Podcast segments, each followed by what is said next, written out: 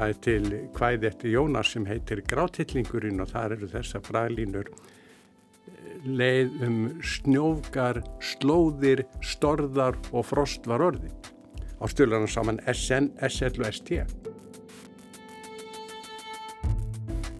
Einn orti þessa þótt ég gerir stöku, stöku, stöku sinni, líti því að sinni, sinni, sinni bara vinnu minni. Þessi er flott. En Jón Ingvar orti limru um limruna og hún er svona.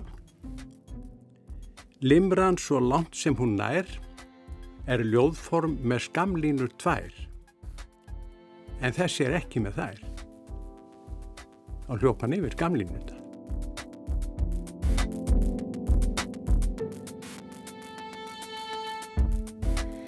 Ragnar Ingi Aðalsteinsson, kennari, útgefandi og skáld, segir einfalt mál að setja saman réttgerða vísu.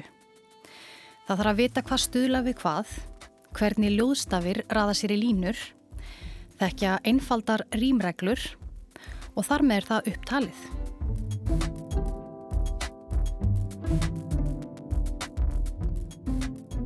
Þú ert að hlusta á orð af orði og ég heiti Guðrún Lindberg Guðjónsdóttir.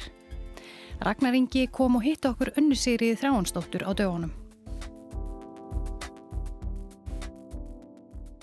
Getur hver sem er sett saman vísu undir hefðbundum hætti? Já, ég held það. Ég held að það geti það allir á endanum. En það er alltaf misjamt hvað fólk er fljótt að grípa þetta. Það er svona, það fer eftir einhverjur góti vitið að fólk er nú mismunandi sem eru góður í einu og aðru í öðru og þetta, það er alltaf misjant hvað fólk er fljótt að ná þessu. Svo skiptir þetta máli heldur líka áhugi. Sem finnst þetta kannski bara ekkert gaman og hafa engan sérstaklega áhuga á þessu. Aðri brenna fyrir því að ná þessu efni og geta búið til vísur. Og þeir eru aðlega fljóttæri sko. Já, þannig að áhugin er leikiladriði en hvað þarf fleira til? er ekki stundum talað um uh, eitthvað sem heitir málgreind annars er þú veist eitthvað um Ég veit nú kannski ekki mikið um það en það er, já, jú, fólk þarf að hafa kannski ákveðt smál tilfinningu.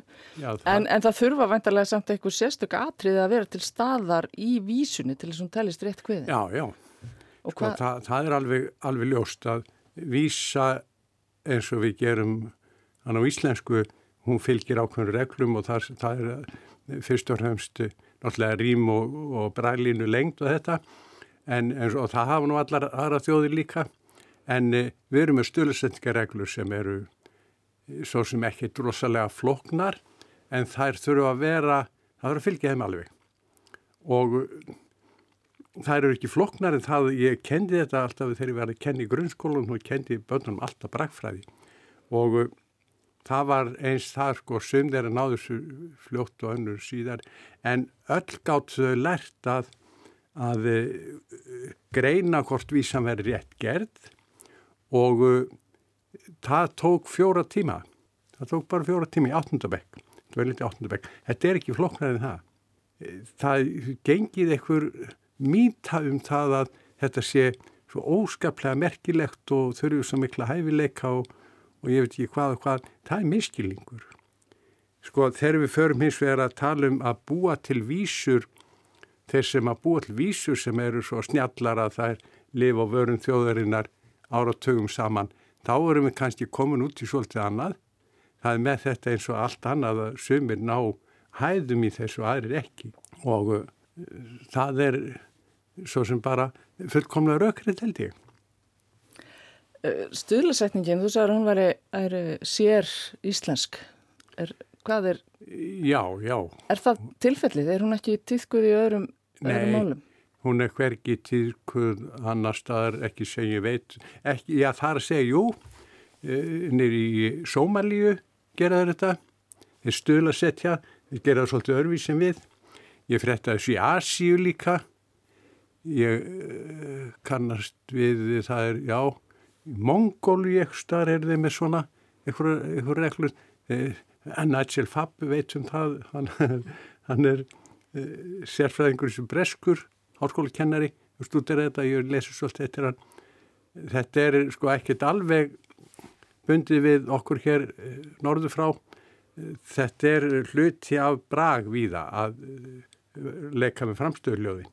En þessi hefð eins og hún er hér, hún var til og var útbreytum alla Norður-Európu fyrir svona þúsund árum og síðan dettur hún út og það gerist hugsanlega vegna þess að eh, telja menn að eh, áherslunar breyttust þegar að áherslan er ekki lengur á fyrsta atkvæði þá rugglast byggingin í vísunni, þá rugglast þessa reglur.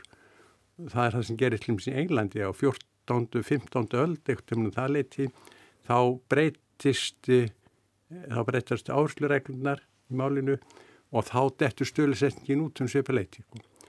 Stölusetningin hjá okkur byggist á framstöðu hljóðunum og hún byggist á því við leggjum alltaf áherslu á fyrsta atkvæði hverju orði og það tengist þessu einhvern veginn, svona, einhverju leiti.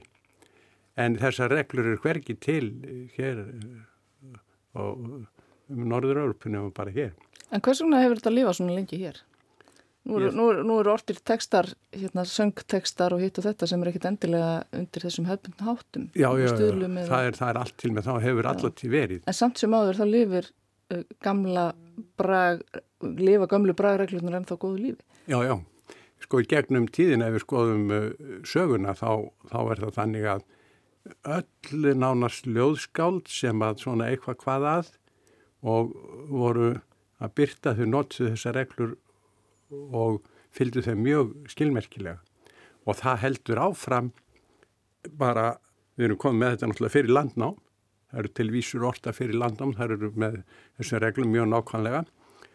Bræði Bóttarsson var uppi fyrir meðja nýjendöld og hann orti drótt kveður meðal annars og þar stuðla settur hann nákvæmlega eins og við gerum að hægringamóttunum í dag.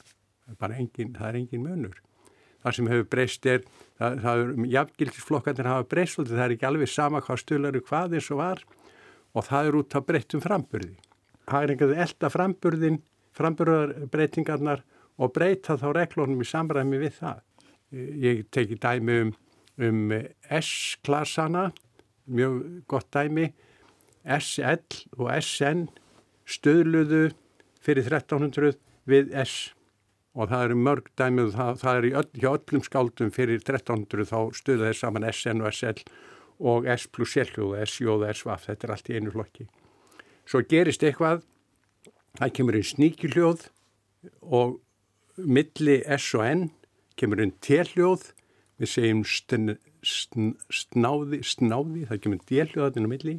Og þegar þetta gerist þá hættar menn að stuðla þessi hljóð við S plus L hljóð gerist bara saman og það gerist alveg afgerandi svona kringum 13-1400 þá hættir þetta alveg og, og algjörlega sko það er ekki eitt einasta dæmi sem ég finn hjá skáldum fyrir en á 18. og 19. þá tók þetta upp aftur um tíma. En stuðlar þá SN við ST eftir breytinguna? Já, það er nefnilega svo merkilegt. Fyrst stuðla SN bara við SN en svo fer maður að sjá sko að einn og einn stullerdi ST. Hallur Ögmundsson munkur var fyrstur sem ég fann með það sko hann er uppi á 14. og 15. öld og svo gerist Jónas Hallgrímsson þetta. Það er til hvæði eftir Jónas sem heitir Grátillingurinn og þar eru þessa braglínur leið um snjófgar, slóðir, storðar og frost var orði á stjórnarnar saman SN, SL og ST.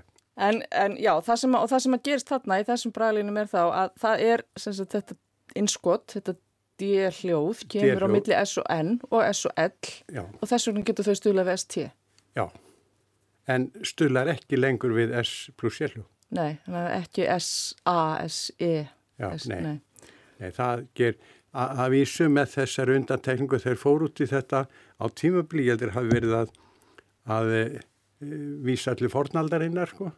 Og gera eins og þau gerðu fyrir 1300 en það e, lifði aldrei að því að það heyra þeir sem hafa nægt brag er að heyra þetta. En hvernig er þetta í dag? Er, er, er, er það sömu stífur reglur? Já, já, nákvæmlega. Að vísu náttúrulega eins og þú segir sem er yrkja sín ljóð bara og láta þetta lönd og leið og, og það er fyllilega heimilt sko. það er ekkert í, í stjórnarskarunni sem bannur okkur þetta sko. en eh, hageringar samfélagi allt saman mjög stramt á þessu reglum Ragnar Ingi hefur lengi fengist upp undið mál og brakfræði. Hann var grunnskólakennari og háskólakennari í áratögi og hann lagði alltaf áherslu á að kenna brakfræði. Hann hefur til dæmis gefið út námsefni þar sem börnum er á einfaldan hátt kent að setja saman vísur eftir hefðbundnum brægreglum. Þá er áherslan ekki á efni vísnana heldur formið. Þannig gefur hann til dæmis upp lista af orðum sem passa inn í eina vísu. Orðin eru valin þannig að stuðlasetning, braglínu lengt, rinjandi og rým eru tryggð. Verkefni er þá fólkið því að fylgja reglunum og raða orðunum þannig saman í vísu að stuðlasetningin verði rétt, braglínu lengt og hrinnjandi passi og að rýmið lenda réttum stöðum.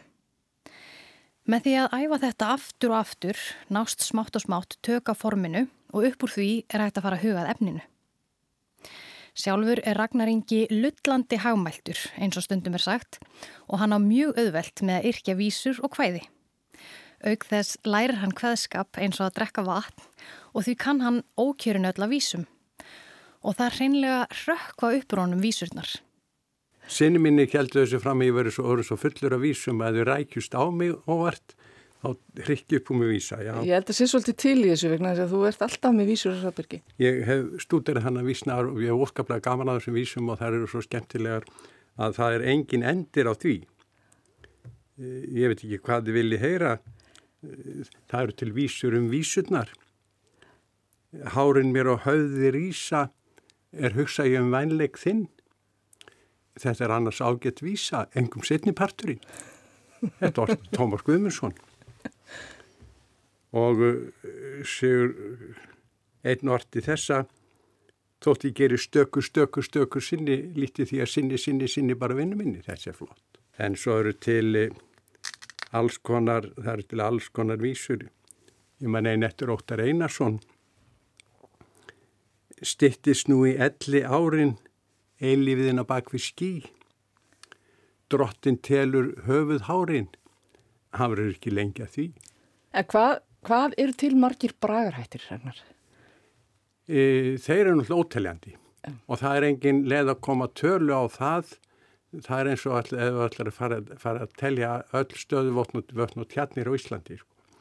Vegna þess að þetta breytist alltaf sko við höfum ákvæmna bragarhætti sem er hafa nöfn, það eru bara örfáir, bara pínlítið brotaðir sem heiti eitthvað sonnetta og við erum að tala um tertsínu form og, og svo erum við að tala um rýmnahættina, e, svo erum við að tala um limrur og hækur og þetta allt saman og töngur og, og svo erum við að tala um rýmnahættina sem hafa, hafa nöfn en e, í rauninni er það þannig að eh, sko ef að skáld eða hageringur fylgir ákveðnu reglum þá má hann hafa bræðurinn í kundu sem hann sýnist og það er til allt mögulegt í kringu það.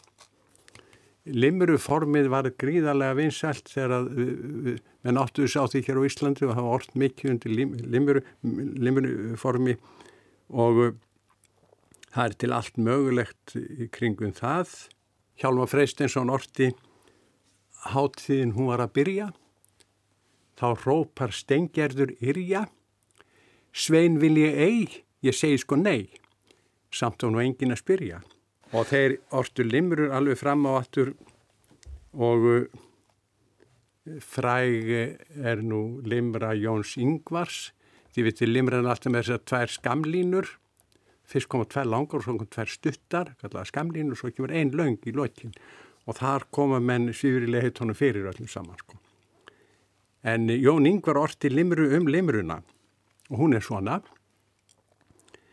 Limran svo langt sem hún nær er ljóðform með skamlínur tvær en þessi er ekki með þær. Á hljópan yfir skamlínuna. Hanna var hann búin að búa til limru sem var bara þrjá línur og þá var einhver sem spurðan að því galgópaskap hvort það geti búið en þá stittir limur en þessa. Og hann held það nú og þá bjóð hann til Alzheimer limurina og Alzheimer limran er svona Marja mær einn frá Ghana. Ég man ekki hvaða með hana. Þá er limra búin. En eh, sko svo að við vorum að tala um bragarhættina sko það má hlaupa út undir sér allavega með, með þetta og það er til limrætti Jónas Opnarsson sem ég finnst óskaplega skemmtileg. Og hún er svona. Það var einu sinni hestamaður óurlega skeggjaður og ennfremur að sömuleiti pínulíti geggjaður. Þá tilskipun til dæmis gafan að það tímabært þetta að grafan er því sálmur sem hann tiltók ekki sungin heldur neggjaður. En hérna, sko, limrur, sonnettur, tersínur, þessir hættir sem þú nefndir, þeir eru innfluttir. Þeir eru ekki íslensku uppfinning, er það ekki? Sko, allir bragarhættir eru innfluttir. Við fluttum þetta, sko dróttkveðuna fluttum með okkur frá Noregi þegar við fluttum til Íslands. Við höfum ekkert fundið upp af neinum bragarháttum. E, við höfum fundið upp óteilandi bragarhætti og sömur hafa fengið að segja eins og rýmnahættinir. En þetta er svolítið miskilningur með allir sem við erum að tala um limurfórum að það sé ekki íslenskt. Sko það voru að vísu, það voru írar sem byrjuði á uppalega yrkja limurur en e, þegar þetta form er komið til Íslands og við erum búin að yrkja limru á íslensku e, og hún er með íslenskum eða fornu norrænum stölasetningareglum sem við höfum e, og stölasetningin er í samræmi við Braga Bóttarsson þá er hún alltaf íslensk. Og það er einmitt það sem að gerist til dæmis með sonneturnar líka. Þannig að þessi, þessi innflytningur hann er alltaf lagaður að, að reglum brækfræðinar. Já, já, þetta er eins og haldið í framtíðinum að steinhús séu ekki íslensk af því að þau eru áður byggðestar í útlöndum. Þetta er mikil miskýningur sko. Okkar steinhús er bara íslensk byggingu. En nú er ekki allur hvaðskapur uh, eins, það er svona mismunandi efnstök, ekki satt? Já, Þú ertum búin að vera að lesa fyrir okkur hérna fyndnar skemmtilegar limrur en, en stundum eru nú orð uh, sorgleiri hvaði. Já, já. En þú hefur líka, þú hefur sérstaklega gaman af gamanvísum, ekki sett? Já, ég hef svolítið, svolítið einskorðað mig við það. Það eru til mjög fallegar vísur, hugsaðu ykkur vísuna eftir Sigur Nordal sem ég vittnar svo oft í Yfir flúðir, auðnu og meins, elfur, lífsins streymir, sjaldan verður ósinn eins og uppsprettuna dreymir. Þetta er fallið vísa. Mjög svo. Og þetta er bara svona djúpugsaður raunleiki, svo hef ég alltaf farið næst á ettir með vísætti Hjálma Freisteinsson eh, hún er svona, ef þú vilt bera þitt barr best til reynast mun að spara og nota sparr í sperrur og einangrun. Það er komin alveg við hinn endan það er, það er allt til þarna á milli sko. mm -hmm. og þú ert með bók hérna fyrir fram að þig bestu gamanvísunar sem þú tókst saman. Já. en segð mér þetta með að að fletta upp í henni ferðu aldrei með vísur eftir sjálfa þig? Það, mér finnst það óþar að vera, vera því mikið, jú, ég gerir það stundum, en eh, ekki, ekki mikið, sko, ég tek yfirlega dísur eftir aðra frekar. Og það eru, sko, eftir, í þessar bóknum, þessar bóknum, þar eru, þar eru vísur eftir mig, sko, en, en eh, þær eru ekki margar. Hvað er svo glatt sem góðra við fundur er gleðin á not here.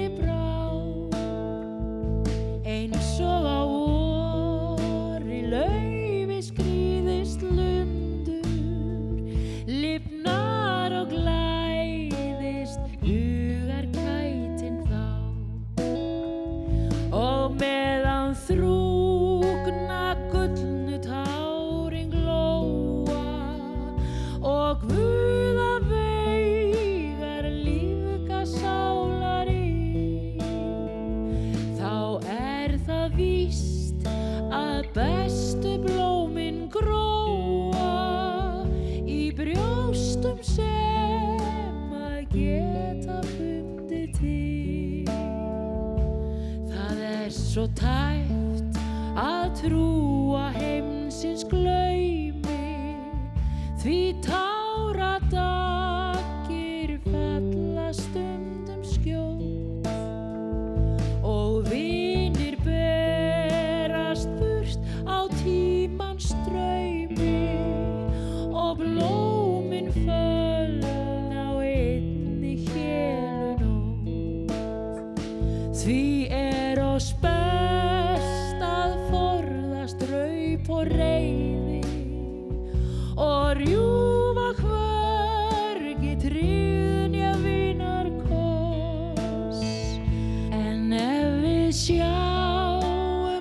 báðum Ragnaringa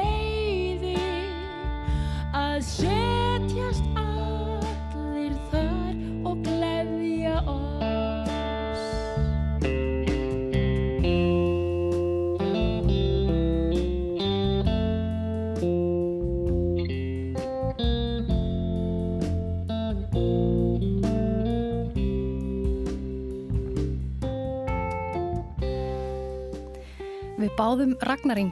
finna fyrir okkur dæmi um vísu eftir sjálfan sig. Það heitir Gamal kennari áarfur bekkinsinn og síðasta línan er inn að svega. Og vísan er svona, þetta var þegar ég var að kenna í grunnskólan. Lett með ykkur ljúfa fann ég leið að visku brunninum, hjartanlega ykkur ann ég ef þið lokki munninum. En eh, ég eh, ætla að því að komi hérna til ykkar sko. Að langa með að eh, vekja aðtikla á sérstaklega á einum kabla í þessari bók sem ég er með hérna. Og hann heitir Hlutur Kvennana. Þeir eru búin að taka þetta var þriðja bókin sem ég tók saman um gamavísur og ég var að horfa yfir þetta og sá að sko Hlutur Kvennana var svo lítill. Það var bara ekki nema, það var inn eftir 10% eða eitthvað, þetta er allt saman kallmenn og ég fór að skoða þetta hvernig stæði á þessu og, og, og tók saman e, svona kabla e, með vísum eftir konur. Og það er sko ekkit skafið utan að því. Hér er fræg vísi eftir ljósavassistur sem voru upp á setnir hluta átjóndaldar það er oftu þegar fadir þeirra var borðinli gravar þá sendur honum vísu, hún er svona döðin allar að dregur hlass, dapru lífsins vegur, farðu nú í fjandansrass, faðu minn elskulegur. E, þauðra í gardi orti fræga vísu þegar hún fann töluna í listikarinn makur, hún var, hún var, garðs, vör, hún var vörður þar, eftirlitsmaður í gardinu, í listikarinn makur. Morgun gólan svala, svalar syndugum hugsunum, sínum áli talan talar talar um buksunum. Þetta finnst vel alltaf góð vísa. Hólfríður Bjartmarsdóttur orti skemmtilega vísu og fær eina línu að láni. Í fyrra dag síðdegis fór ég á stjá, fjarrri var aflmitt og styrkur, í byrkilaut kvildi ég bakkanum á og bokkan var tæmt fyrir myrkur. Þetta er flott. Svo er hér vísa um, eftir Sigurlín Hermannsdóttur um, um hestamann. Hann áslákur eldist við Jónu og Erlu og Hönnu og Mónu og Gretu og Vikku og Gerðu og Siggu en hann elskaði einungi stjónu. Svolítið maður segja konunda geti ekki orð. Embla Rún Hakadóttur orti þegar hún var ung og ólofið, var í kennarháskólanum og var náttúrulega svona að spá í hittkynnið eins og ungur stúlku gera. Þá orðum þetta ástaleitur örðugt starf, þó ofta bæti þroska. Til að kræki konsum þarf að kissa marga froska. Ragnar Ingi er ekki bara hagmæltur, heldur er hann sprenglæriður í brakfræði. Það má raunar með sanni halda því fram að hann sem er doktorsprófi í henni því árið 2010 varði hann doktorsritger sína 12 alda tryggð þar sem hann gerir grein fyrir rannsóknum sínum á þróun stuðlasetningar frá fornu til okkar daga. Hann er einn af stopnendum tímaritsins Sónar sem hefur komið út árlega frá 2003 og byrtir reytrýndar fræðigreinar og reytrýndar óðflugur, frumbyrt ljóð og umfjöllun um nýjar ljóðabækur og fræðiritt um óðfræði. Ragnar Ingi hefur einnig staðið að útgáfu fjölmarkra ljóðasapna og vísnasapna. Haustið 2012 tók hann sér til og byrjaði að gefa út tímaritið Stöðlaberg sem er helgað hefðbundin í ljóðlist. Ég held út í tímaritið það kemur út tvísar á ári og er 34 blaðsur hverju sinni og ég skrifa þetta svona mest sjálfur og sapna svo saman vísum og, og uh, tek viðtölu fólk, hægringa uh, og, og spekulera svona í, í, í framgangi hefðarinnar. Þetta er að ganga fyrir sig og svo er ég alltaf með efni, eldra efni líka þetta. En er, uh, sem þú ert alltaf með viðtöl eins og þú sagðir, uh, kemur það þér aldrei á óvart í hvaða hornum þú finnur hægirðinga? Jú, það gerir þannig, það er, það er svo mikið, það er svo ótrúlega mikið að hægringur sko, og það er miklu, þetta er miklu útbreyttar heldur en helt til í byrjaði.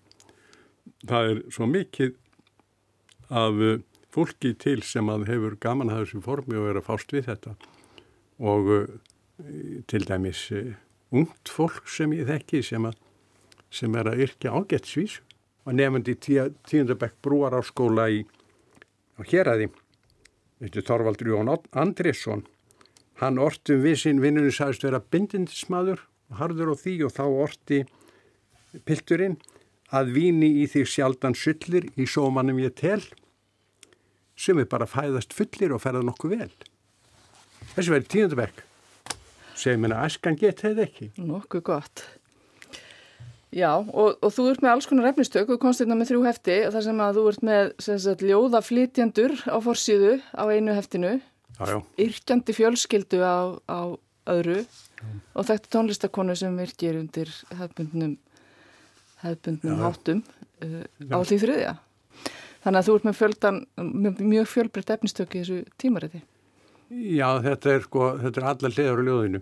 Ég var síðast með viðtal við Sigur Skúlason og Margretti Páls. Hann er leikari og hún er framsagnarkennari og þau hafa fengist mikið við að kenna framsögn.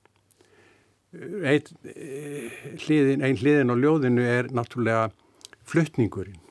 Það er ekki sama hvernig þú flytur ljóðið og þau hafa lagt fram mikinn skerf til löglistarinnar og, og vísnagerðarinnar með því að kenna fólki að fara með það og eiga heiðurskilin fyrir það.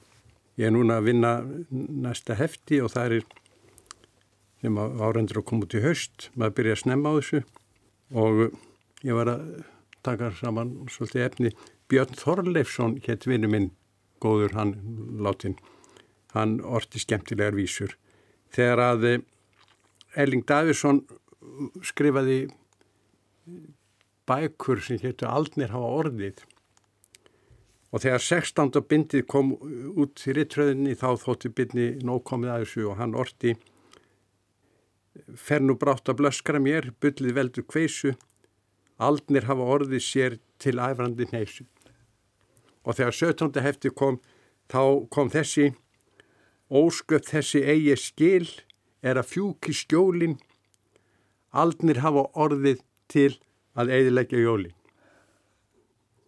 Og þegar að átjóndu síðasti hefði komið þá glættist Björn mjög og sagði Ég rópa og ber í borðið, það byrtir í geði, loks hafa aldnir orðið til einhverja glein.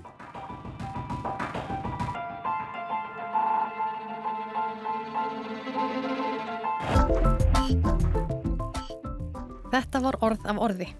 Guðrún og Anna rættu við Ragnar Inga Adalsteinsson um vísnahefðina. Við heyrðum Andreu Gilvódóttur og tríó Björns Tórótsen flytja Vísur Íslendinga, ljóð Jónasar Hallgrímssonar við Erlend lag. Tæknimaður var Litja Gretarsdóttir.